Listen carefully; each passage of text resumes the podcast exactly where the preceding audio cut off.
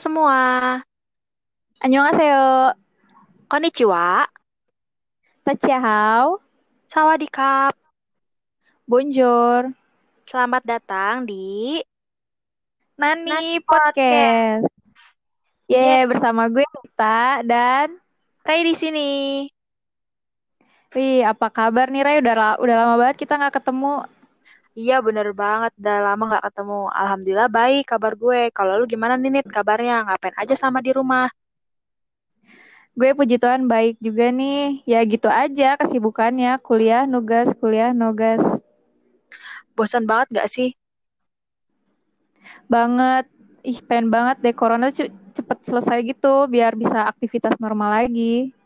Iya bener banget. Sebenarnya sih bisa aja keluar jalan-jalan. Banyak kan tuh yang sekarang jalan-jalan keluar kota juga.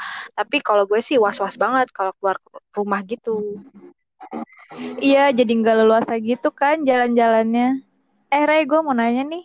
Podcast kita kan namanya Nani Podcast. Artinya apa sih? Setahu gue Nani itu bahasa Jepang yang artinya apa? Nah, Nani Podcast ini singkatan nama kita, yaitu Renalda dan Nita.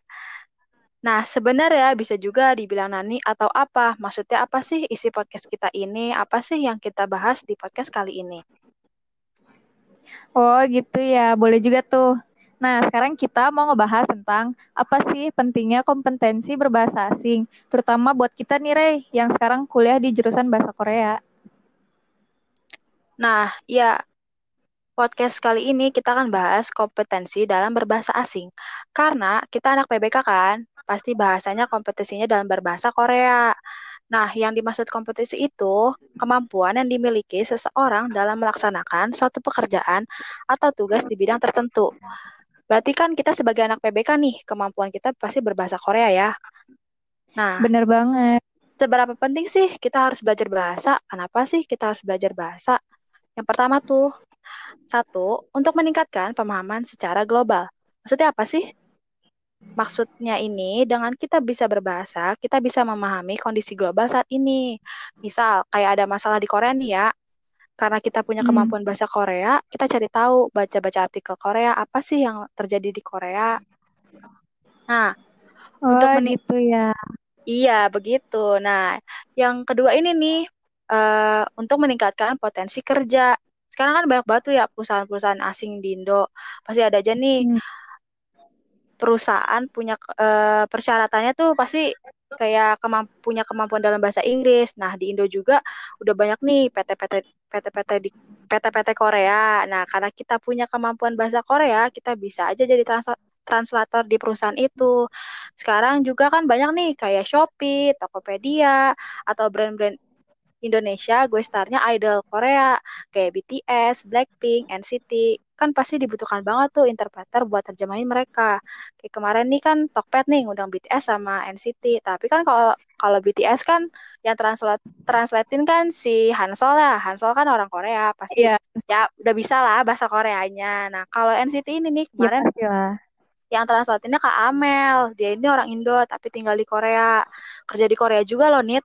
Jadi kemampuan bahasanya ba- kemampuan bahasa Koreanya udah diancungin jempol banget sih. Wah, keren banget nih, Ray. Terus juga ya, buat yang suka sama drama-drama Korea nih, kan pasti harus ada subtitle bahasa Indonesianya dong.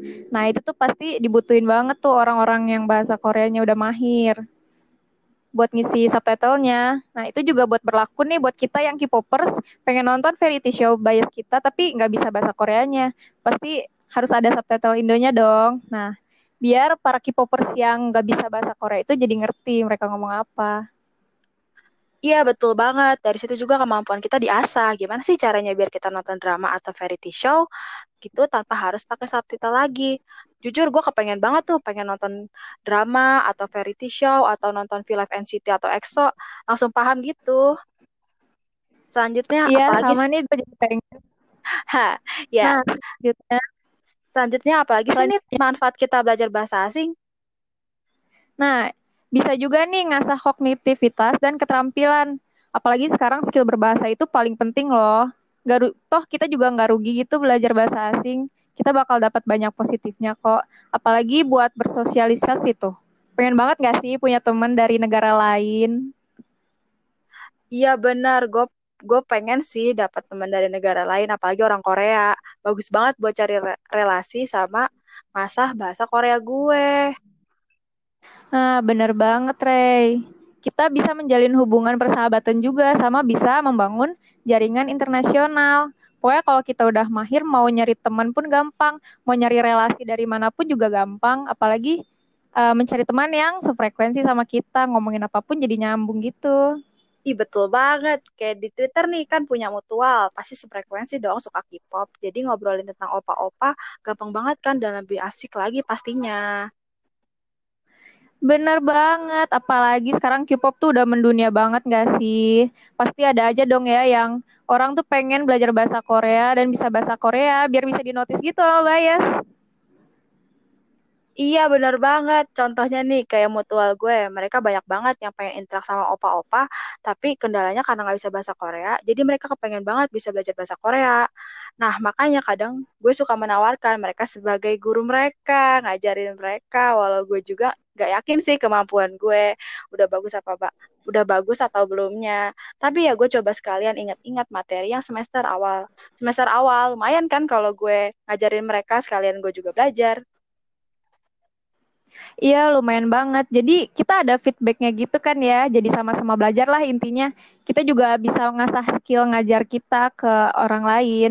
Siapa tahu kan ya kalau misal misalnya kita ada kesempatan ke Korea, kita bisa ngajarin bahasa Indo juga ke mereka yang di Korea. Iya, kayak contohnya nih, waktu itu juga kan NCT belajar bahasa Indonesia. Lo nonton gak sih, Nit? Iya, gue nonton. Mereka bikin di YouTube channel mereka kan ya. Gokil banget sih. Mereka sampai belajar bahasa gaul kita juga. Wow. Iya, betul. Gue ketawa banget. Mereka diajarin bahasa kuy, mantul. Tapi pas nonton itu gue sekalian belajar tuh. Ha, kan jadi seru banget. Bener banget, Ray. Wah, gak terasa. Ternyata udah lama banget kita ngebahas ini. Kalau kita lanjutin pasti bakal panjang banget, ya nggak? Bener, bisa berjam-jam gak sih, Ray? ya, jadi tuh kesimpulan dari pembahasan kita ini kalau kalau penting banget nih kompetisi berbahasa asing khususnya kita anak PBK kemampuan ke, kemampuan Korea kita harus bagus juga biar ke depannya kita study exchange nih kayak kakak-kakak kelas kayak kating-kating kita yang sebelumnya nih. Pasti kan kita juga mau dong kayak gitu. Nah tapi gimana sih biar kita bisa exchange kayak gitu? Ya pastinya kita harus sering-sering praktis. Mau belajar dari aplikasi atau bisa sekalian ngefangirl kayak nonton drama, variety show dan lain-lain. Yo, iya betul banget. Oke, mungkin segitu aja. Ini semua manfaat ya.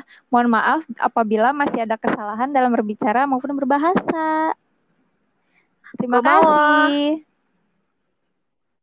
Arigato. Xie Gracias. Bye bye. Bye bye. Sampai ketemu di podcast selanjutnya.